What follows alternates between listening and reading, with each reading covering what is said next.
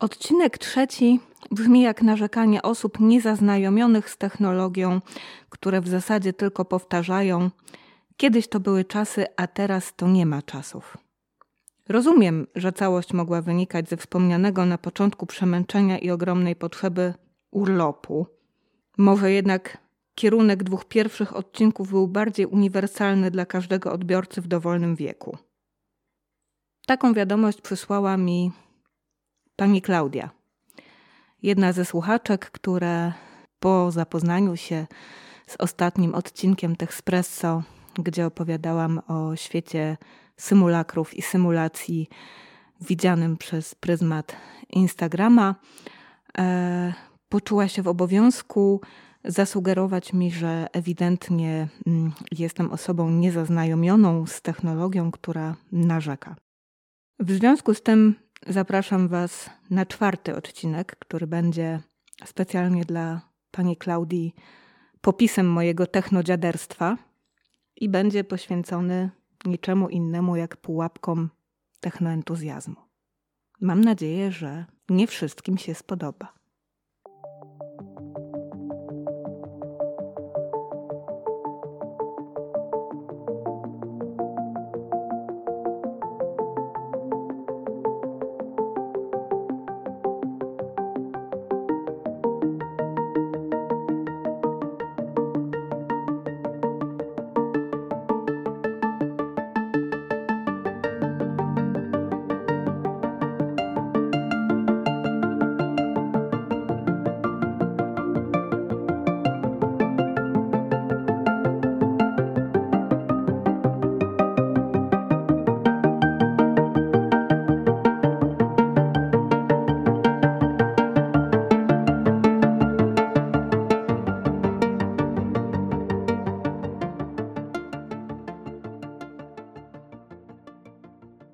Nowe technologie, mm, wynalazki, które dzięki nim powstają, e, szeroko rozumiany rozwój, postęp, progres, zwykliśmy postrzegać jako zjawisko jednoznacznie korzystne. Ułatwiają nam pracę, sprawiają, że możliwa jest komunikacja z absolutnie każdego zakątka świata a pandemia koronawirusa i czas pracy oraz edukacji zdalnej były takim ukoronowaniem naszego entuzjastycznego podejścia do kwestii nowych technologii. Mam jednak y, takie bardzo silne przekonanie, które towarzyszy mi w pracy zawodowej, która wiąże się ze światem nowych technologii, że z biegiem czasu przestaliśmy zauważać zagrożenia, które się z tym rozwojem wiążą i w pewnym sensie też się za mocno od nowych technologii uzależniliśmy. Dzisiaj każdy z nas ma smartfona, e, otaczają nas również inne urządzenia. Mm, taki standard to jest laptop, tablet. E, coraz częściej posiadamy również smartwatche, różnego rodzaju opaski sportowe. Generalnie inteligentne sprzęty, których zadaniem jest ułatwianie nam życia, czy też e, sprawianie, że codzienne czynności będą e, znacznie przyjemniejsze, szybsze, będą sprawniej szły. I obserwacja, która temu towarzyszy, no niestety nie jest zbyt korzystna. Ja korzystam osobą, która mieszka w górach bardzo często zdarza mi się obserwować na szlaku, szczególnie zimą, osoby, które nie potrafią sobie poradzić z tym, że ich telefon nie jest specjalnie odporny na niskie temperatury albo na to, że upadł w śnieg i coś tam się wydarzyło niedobrego.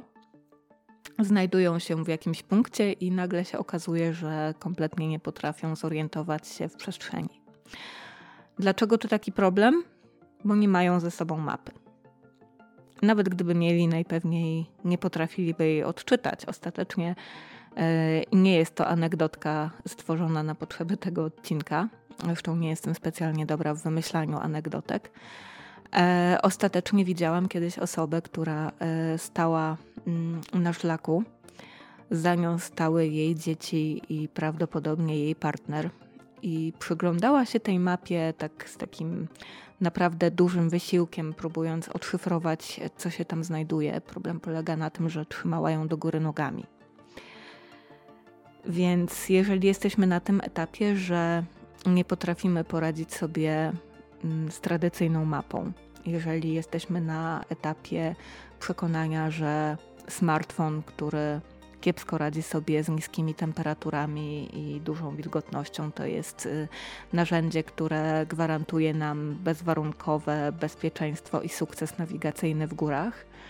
To znaczy, że gdzieś pogubiła się nasza świadomość tego, jak naprawdę działa świat i jak duże problemy możemy ściągnąć sobie na głowę mm, takim właśnie bezrefleksyjnym technoentuzjazmem technoentuzjazmem lub jak powiedziałby profesor Kreft, z którym e, usłyszymy się e, w którejś kolejnej audycji, technosolucjonizmem, bo rozwój nowych technologii, aplikacji, tych wszystkich inteligentnych urządzeń gdzieś na pewnym etapie zbudował w nas przekonanie, że te wynalazki one oferują rozwiązanie każdego naszego problemu. Jeżeli jeszcze nie powstała aplikacja rozwiązująca nasz problem, to nic. Ona z pewnością powstanie. Być może ktoś już nad nią pracuje.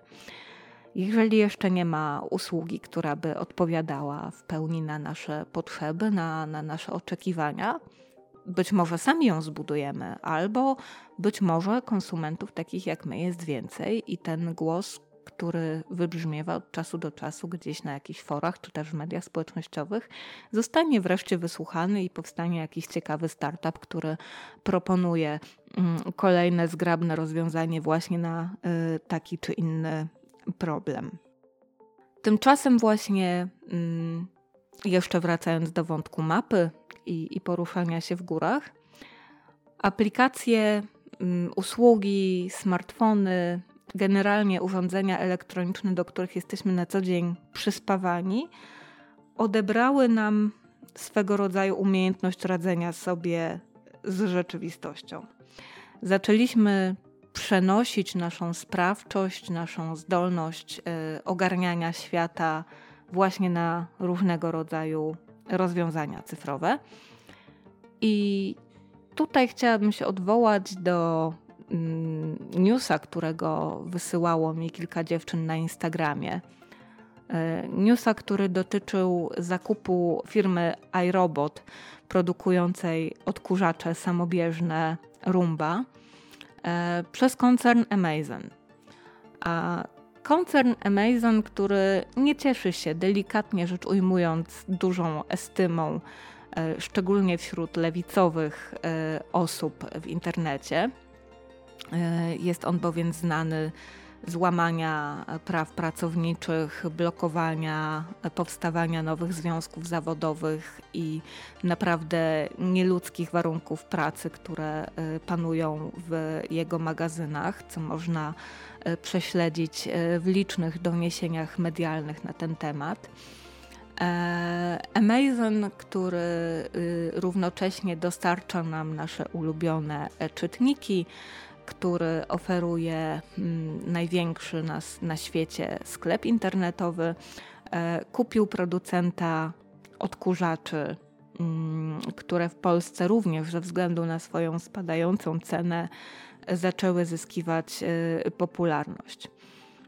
Nie było w ciągu ostatniego pół roku e, konta moich znajomych, które by się nie pochwaliło w internecie posiadaniem takiego czy innego właśnie odkurzacza, który sobie gdzieś tam jeździ po mieszkaniu i, e, i sprząta w momencie, kiedy instagramerka siedzi na kanapie i chwali się tym, że czyta książkę, a urządzenie sobie samo ogarnia dom. E, zdziwiło mnie bardzo, kiedy zobaczyłam, że odkurzacze u dziewczyn mają nadawane imiona, tak? Mamy odkurzacz, który nazywał się Niuniek, tak? I, i jeździł sobie po mieszkaniu. E, I, I, co jakiś czas pojawiały się e, wpisy, że Niuniek odkurza, a ja tutaj mam czas na to, żeby e, zrobić coś związanego z pielęgnacją, czy, czy generalnie spędzić jakoś miło czas. Mm, to, to jest taka animizacja robotów czy, czy sprzętów elektronicznych, która mnie absolutnie przeraża i poraża i która sprawia, że zaczynam się zastanawiać, e, czy, czy aby na pewno wszystko jest dobrze ze światem, w którym e, żyję. Ale mało tego, odkurzacze y, nie tej konkretnie firmy, tylko innego producenta były reklamowane na Instagramie przez y, polskie influencerki, które miały duże zasięgi. E, I problem polegał na tym, że żadna z tych osób nie napisała o tym, jakie ryzyka związane z prywatnością łączą się z y, użytkowaniem tych odkurzaczy. Ja do jednej z nich napisałam y, wiadomość z propozycją pomocy przy ogarnięciu jej y, treści na temat związany z prywatnością tego urządzenia. E, ale nigdy nie dostałam e, na tę wiadomość odpowiedzi, mimo tego, że ona została e, odczytana. Mm, okazuje się, że prywatność obserwatorów i obserwatorek w zestawieniu z zyskiem, który ma się od sprzedaży każdego egzemplarza takiego urządzenia w ogóle nie jest kwestią istotną. No, z jednej strony y, trudno się dziwić, bo, bo wszyscy wiemy, na czym polegają współprace na Instagramie, tak? że, że, że jest to po prostu sposób zarabiania i chodzi tutaj o pieniądze.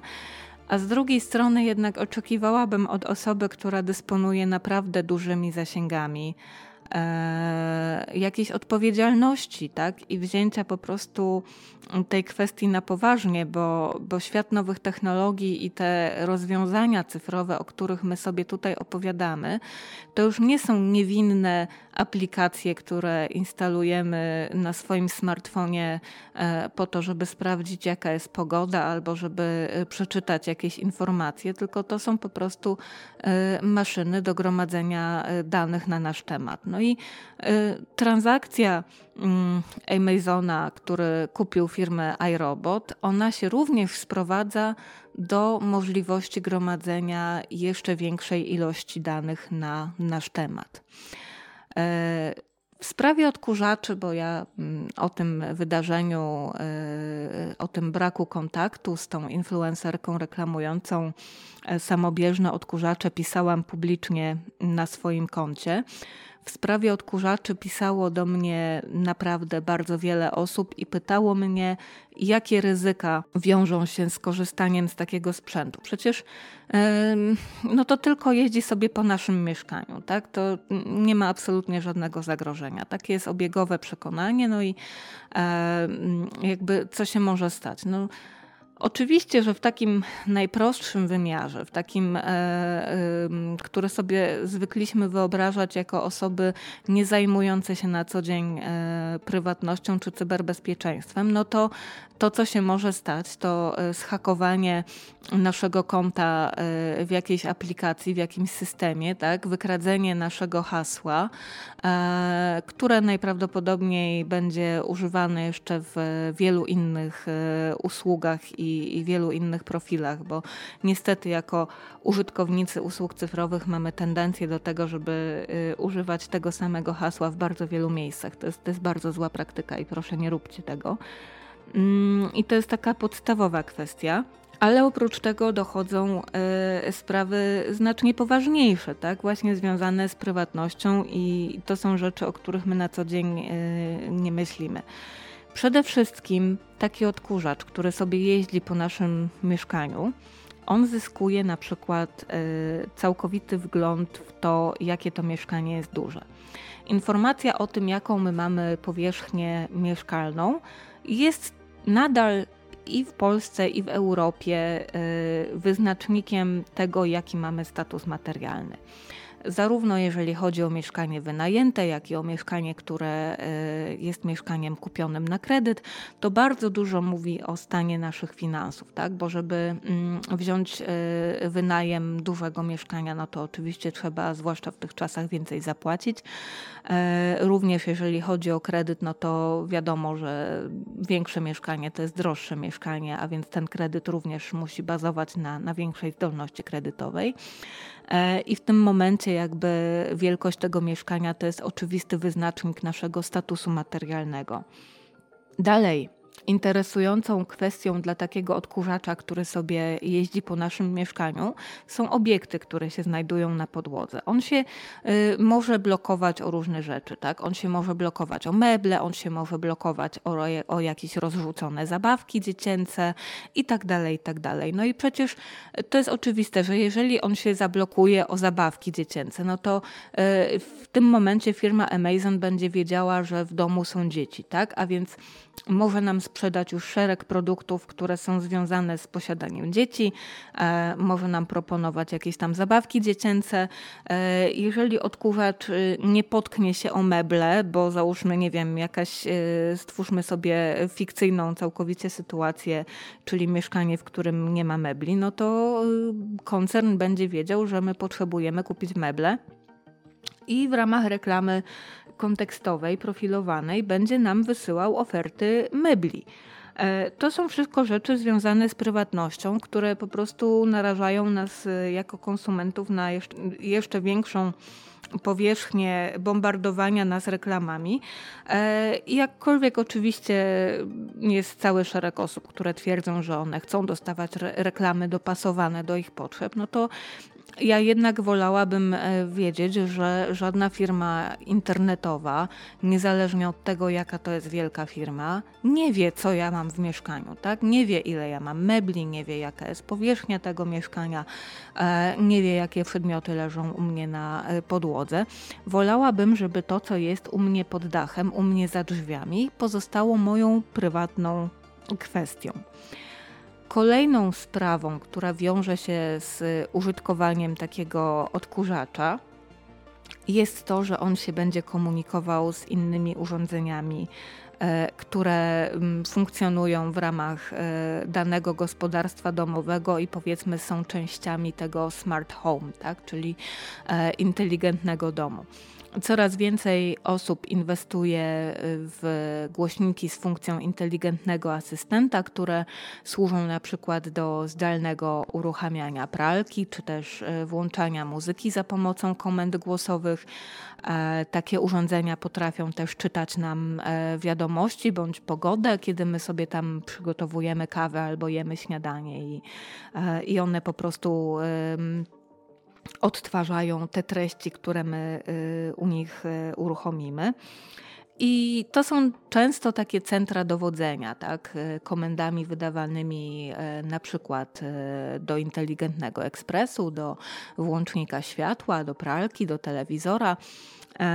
I w tym momencie też do odkurzacza, który, który będzie się z takim głośnikiem komunikował. A głośniki zbierają na nasz temat y, bardzo y, dużo danych. E, afera z tym związana wypłynęła na światło dzienne w 2018 roku. Ja wtedy e, dla Polskiej Agencji Prasowej napisałam szereg depesz, e, który tłumaczył, co się właściwie stało. Co się stało? Wiodące urządzenia oferujące funkcję asystenta głosowego okazało się, że nagrywają swoich użytkowników. I, i e, zarówno koncern Amazon, e, jak i Google, jak i Apple, czyli e, wszystkie te firmy, które takiego asystenta mm, oferują, przyznały wreszcie, że urządzenia dostarczane do e, konsumentów wcale nie szanują ich prywatności tak bardzo, jakby to e, się mogło wydawać, bazując na samych ich obietnicach, bo wśród tych zarejestrowanych przypadkowo tak, próbek głosu, bo nikt nie prosił, żeby e, te urządzenia nagrywały e, fragmenty e, przypadkowych rozmów, czy też seksu, który się wydarza gdzieś u nas w sypialni, czy, czy jakichś tam kłótni. Właśnie znalazły się nagrania bardzo intymnych sytuacji, które no, no nierzadko po prostu były sprawami strasznie prywatnymi. I, i okazało się, że te nagrania, które są rejestrowane całkowicie przypadkowo, są po prostu przesyłane do firm technologicznych, gdzie słuchają ich pracownicy e, działów odpowiedzialnych za e, rozwój inteligentnych asystentów i wybuchła z tego wielka afera. Oczywiście koncerny uzasadniły to koniecznością pracy nad ulepszaniem produktu i tam każdy się uderzył w piersi i powiedzieli, że od teraz będzie można wyłączyć w ogóle takie samoaktywowanie się asystentów głosowych, ale niesmak pozostał i e, ja osobiście na przykład nie wyobrażam sobie zupełnie posiadania czegoś takiego u siebie w domu. E, oczywiście ja mam smartfona, tak, bo to jest moje narzędzie pracy, ale e, Siri w moim iPhone'ie jest wyłączone. Ja nie mam asystenta głosowego, nie potrzebuję wydawać e, swojemu telefonowi e, poleceń w formie głosowej.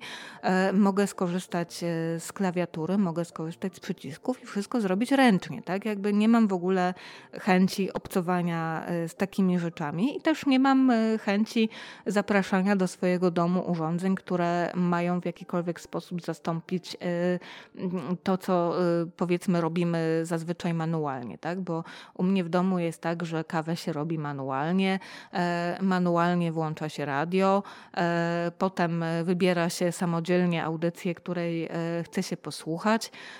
Również samodzielnie wybieram sobie wiadomości do przeczytania i, i to są wszystko rzeczy, które ja robię świadomie, tak? jako, jako człowiek, który podejmuje konkretne decyzje e, i to mi też jakby e, pomaga chronić się przed oddziaływaniem na mnie algorytmów, tak? bo te informacje, które ja czytam, mi nie wybiera ich żaden algorytm. Ja nie czytam żadnych newsów, które są mi proponowane czy podsuwane przez jakąś aplikację. Ja zawsze wchodzę samodzielnie na stronę, na której chcę się zapoznać e, z treściami. Ja po prostu patrzę, czy, czy na tej stronie e, są to przede wszystkim strony e, dużych zagranicznych gazet i agencji informacyjnych, czy na tych stronach jest coś, co mnie interesuje. Jak mnie interesuje jakaś treść, to ja sobie po prostu wchodzę w ten artykuł i sobie go czytam. E, I nie potrzebuję w ogóle tego, żeby jakiś asystent głosowy, jakiś algorytm, jakieś urządzenie decydowało za mnie, co ja mam przeczytać i jeszcze mi to e, czytało jakimś głosem e, z syntezatora mowy. To jest dla mnie w ogóle kosmiczny całkowicie scenariusz. Jak już jesteśmy przy temacie informacji i tego, jak te informacje konsumujemy, to technoentuzjazm, o którym dzisiaj rozmawiamy, y, wywiera również wpływ na tę sferę, tak? bo technoentuzjazm y, i, i, nasze przyklejenie do smartfonów, do, do urządzeń elektronicznych, do e, tych nowych technologii, o których jesteśmy przekonani, że oferują nam rozwiązanie każdego naszego problemu y, w życiu, e, sprawił, że my przestaliśmy na pewnym etapie reflektować nad e, skutkami, e, jaki ten rozwój niesie choćby dla naszych e, społeczeństw, jak, e, jaki wpływ te nowe technologie wywierają na nas jako na ludzi i, i na rzeczywistość, którą my sobie tworzymy. I tutaj dobrym przykładem są media społecznościowe, chociaż pewnie ten temat się już wydaje strasznie ograny, to jednak chciałam powiedzieć, że internet dzisiaj przez bardzo wiele osób jest z mediami społecznościowymi utożsamiany. A to nie jest prawda. Media społecznościowe to jest tylko jakiś procent internetu. Internet jest olbrzymią siecią, olbrzymim zasobem wiedzy. E, media społecznościowe to jest tylko jakaś powierzchnia, która, po której się ślizgamy, korzystając właśnie z aplikacji w telefonach, ale to jest czynnik na tyle silny, że on zdołał całkowicie przekształcić sposób, w jaki my na przykład konsumujemy informacje. E, z racji tego, że Facebookiem, Twitterem, Instagramem, e, innymi platformami, z których na co dzień korzystamy, rządzą e, algorytmy, to nasza konsumpcja informacji zaczęła opierać się na ekstremach, na tym, co budzi bardzo silne emocje, bo tylko te bardzo silne emocje gwarantują zaangażowanie użytkowników. A właśnie zaangażowanie jest tym, co platformy monetyzują. Platformy zarabiają na tym, ile czasu spędzamy na danym serwisie, jak często udostępniamy w nim jakieś linki, jak często wysyłamy sobie jakieś materiały. I tak naprawdę dzisiaj możemy narzekać na polaryzację, na to, że e, wiadomości są brutalne, pokazują e, wykrzywioną, wypaczoną rzeczywistość, ale prawda jest taka, że właśnie tego jako konsumenci oczekujemy. My chcemy widzieć rzeczy, które budzą w nas silny sprzeciw, silne emocje w rodzaju złości, e, irytacji, zniesmaczenia, oburzenia. To są rzeczy, które się najczęściej klikają na Facebooku. Właśnie rzeczy, które budzą mm, strasznie negatywne emocje w odbiorcach. One mają e, najwięcej interakcji, one zbierają najwięcej udostępnień e, i powiem szczerze, nie mają absolutnie żadnej wartości poznawczej.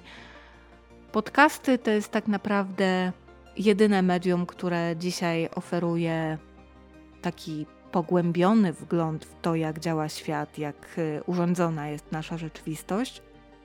I to jest taki paradoksalnie możliwy właśnie w erze mediów społecznościowych powrót do korzeni, ale jeżeli chodzi o media pisane, o artykuły, o materiały wideo, dominuje krzykliwość, dominuje szybka narracja, dominuje taki bombastyczny styl, który e, ma za zadanie niby podać nam jakąś pigułkę wiedzy, jakąś pigułkę informacji, a tak naprawdę ładuje nas emocjami, które my dalej zabieramy ze sobą i które nic nie wnoszą w nasze życie. Napisałam jakiś czas temu taki tweet, że bardzo bym chciała napisać takie rozszerzenie do przeglądarki internetowej, które pozwoli mi blokować wszystkie treści związane z przemocą wobec zwierząt, a szczególnie wobec kotów, bo kto mnie zna i obserwuje, ten wie, że ja y, w zasadzie mm, żyję dla kotów. Mam bardzo wiele momentów w życiu, kiedy, kiedy to, co mnie przy tym życiu e, trzyma w pionie, to są właśnie koty. I ilość informacji, które mówią o przemocy wobec zwierząt, jest kompletnie porażająca. Oczywiście pisanie artykułu o tym, że sprawca przemocy wobec zwierząt został ukarany, ma bardzo dydaktyczny wydźwięk, tak? Ale po co zamieszczać szokujące zdjęcia skrzywdzonego psa albo kota? Po co pokazywać, jaką krzywdę ten człowiek zrobił tym zwierzętom? Tego nie rozumiem, tak? I dawać to jeszcze na nagłówek, a e, w lidzie, który idzie do mediów społecznościowych, właśnie szczegółowo opisywać e, ten akt okrucieństwa, w sensie, co on tam zrobił tym zwierzakom. Ja nie chcę czytać takich wiadomości. Ja wiem, że człowiek z natury jest zły. Ja wiem, że człowiek ma w sobie gen przemocy, ma skłonność do krzywdzenia istot, które są od niego słabsze. I ja nie potrzebuję zapoznawać się szczegółowo z rodzajami przemocy wobec zwierząt, które są możliwe w wykonaniu ludzi. Ja wspieram zwierzęta i bez tego, i, i bez tego będę dalej to robić, a czytanie o tych aktach przemocy, oglądanie tych zdjęć, na które trafiam, choćby dlatego, że jakiś człowiek, którego obserwuję, podał to dalej w mediach społecznościowych, jest dla mnie po prostu bardzo bolesne i, i ja później z tymi traumami się muszę gdzieś tam borykać i, i rozpamiętuję to przez bardzo wiele dni. I to jest właśnie przykład takiego celowego szokowania, tak? zawierania w social mediach treści, które będą wywoływały silne emocje, które będą klikały się dalej, które będą się dalej podawały. Zaangażowanie użytkowników e, w serwisie będzie rosło i jakby nikt się nie zastanawia nad jakimiś stratami ubocznymi, które w ten sposób powstają. Oczywiście, że te straty uboczne to mogą być e, takie reakcje jak moja na przemoc wobec zwierząt, ale to są też e, kwestie takie jak coraz głębsza polaryzacja społeczna, wzmagający się konflikt pomiędzy różnymi grupami, kultura unieważniania, która w Polsce się doskonale przyjęła i, i która e, cieszy się niestety coraz większą popularnością. To są wszystko kwestie, które właśnie wynikają z tego, jak bardzo zepsuliśmy świat mediów, pozwalając mediom społecznościowym na przejęcie kontroli nad naszym sposobem konsumowania informacji. I to, w jaki sposób te informacje konsumujemy, ma wymierny wpływ na to, jak jest urządzone nasze społeczeństwo.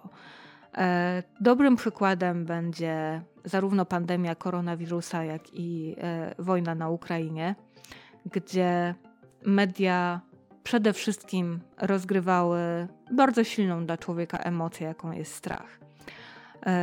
Pierwsze tygodnie epidemii to bardzo silna egzaltacja zdjęciami trumien we Włoszech, osobami, które umierają podłączone do respiratorów, które bardzo cierpią w wyniku zakażenia koronawirusem. E, pierwsze tygodnie wojny to również e, zdjęcia masakr, które przedostają się do takiego nawet niezainteresowanego wojną obiegu opinii publicznej. I ja tu nie mówię, żeby nie interesować się wojną, tak, ale jako osoba, która też o tej wojnie napisała bardzo dużo artykułów mm, skupionych przede wszystkim wokół kwestii e, rosyjskiej dezinformacji, ja dostawałam przez cały marzec mnóstwo wiadomości, których leitmotywem był właśnie wasz strach. Strach o to, co będzie, e, jeżeli w Polsce też będzie wojna. Strach o to, e, co będzie, jeżeli napływ uchodźców do naszego kraju nigdy się nie skończy? Co będzie, jeżeli Rosjanie odpalą broń nuklearną? I tak dalej, i tak dalej. I wszystko to wynika z tego, że gdzieś ktoś przeczytał jakiś krzyczący nagłówek, który jest krzyczący, bo ma przyciągać kliknięcia, a jego wartość informacyjna tak naprawdę jest zerowa i niczego się stamtąd nie dowiadujemy za to zaczynamy się bać. Tak? Y, pierwsze dni po, po inwazji Rosji na Ukrainę to są artykuły o tym, gdzie znaleźć najbliższy y, schron y, przeciwbombowy. Dzisiaj mówimy o kryzysie energetycznym i pokazują się poradniki, co robić w razie blackoutu, tak? czyli sytuacji, kiedy zostanie wyłączony nam wszystkim prąd. E, I to są sytuacje, kiedy ja jedyne, jedyną radą, jaką ja mogę Wam dać, to jest uzbroić się w cierpliwość, obserwować rzeczywistość i rozsądnie filtrować informacje, a najlepiej odciąć się od tych mediów społecznościowych i przestać konsumować te emocjonalne komunikaty.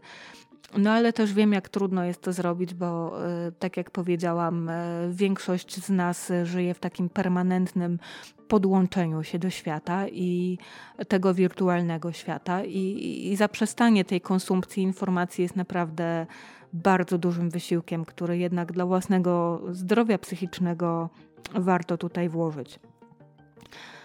Strach, który wzbudzany jest w społeczeństwie przez tego rodzaju komunikaty, może być wykorzystany politycznie. Pandemia jest niestety tego przykładem. E, jak to się wiąże z technoentuzjazmem? Ano tak, że w czasie pandemii bardzo popularne stały się aplikacje do śledzenia kontaktów społecznych, do monitorowania tego, e, z kim się kontaktowaliśmy, po to, żeby właśnie uniknąć e, ekspozycji na koronawirusa i uzyskać informację, że mogliśmy spotkać się z osobą zakażoną tym patogenem. W Polsce aplikacja Protego Safe na szczęście nie zyskała e, popularności i mm, być może Wam umknęło, ale e, to, co zostało z Ministerstwa Cyfryzacji, czyli e, pan minister Janusz Cieszyński ogłosił, że e, ta aplikacja nie będzie już dalej e, rozwijana, nie będzie ten projekt kontynuowany. Bardzo dobrze, że nie będzie, bo e, aplikacje koronawirusowe się nie sprawdziły. Natomiast e, w krajach azjatyckich, takich e, jak na przykład Chiny czy Singapur, one się stały narzędziami do inwigilacji. I inwigilacji, która jest uzasadniona oczywiście troską o zdrowie publiczne, no ale przekłada się to na jeszcze większe um, zabory wolności obywatelskich i, i, praw człowieka niż to miało miejsce wcześniej. Zwłaszcza w Chinach to wykorzystanie nowych technologii e, w związku z pandemią poszybowało w górę. Ta transformacja cyfrowa, ona na całym świecie przyspieszyła przez pandemię, ale, ale to, co się dzieje w Chinach, to jest absolutne science fiction, powiedzielibyśmy na, na nasze warunki bo w praktyce mm, śledzony jest każdy ruch obywatela, który załóżmy chce kupić e, bilet e, z jednego końca kraju na drugi, to um, czytałam artykuł, w którym e, stwierdza się, że wszystkie te rozwiązania covidowe są obecnie stosowane choćby do walki z dysydentami politycznymi czy, czy, czy ze zwolennikami przemian demokratycznych. I jeżeli chce się pojechać pociągiem, będąc osobą sprzeciwiającą się władzy w Pekinie, no to e, trzeba za gotówkę kupić e, trzy albo cztery bilety w różnych kierunkach e, kraju, a pośród nich ten, z którego chce się skorzystać i zostawić w domu telefon, jak i też mieć przynajmniej trzy numery różne, tak, którymi się na co dzień posługujemy, bo ten system inwigilacji jest po prostu bardzo dobrze rozwinięty i władze potrafią posuwać się do tego, że kamery są montowane bezpośrednio przed domem nieprawomyślnego obywatela, który tutaj może chcieć się sprzeciwiać dobru publicznemu, rozumianemu tak, jak je rozumie Pekin. E, w Europie transformacja cyfrowa, która wydarzyła się przez COVID, to jest przyspieszenie przemian na drodze, do których i tak już byliśmy. Negatywną konsekwencją jest jednak to, że to wszystko znacznie przyspieszyło i tak jak e, obserwowaliśmy szybkie wdrażanie edukacji zdalnej czy przenoszenie się na pracę zdalną w sytuacji, kiedy nie ma żadnych narzędzi, żadnych procedur, żadnych rozwiązań, które by mogły to wszystko wesprzeć.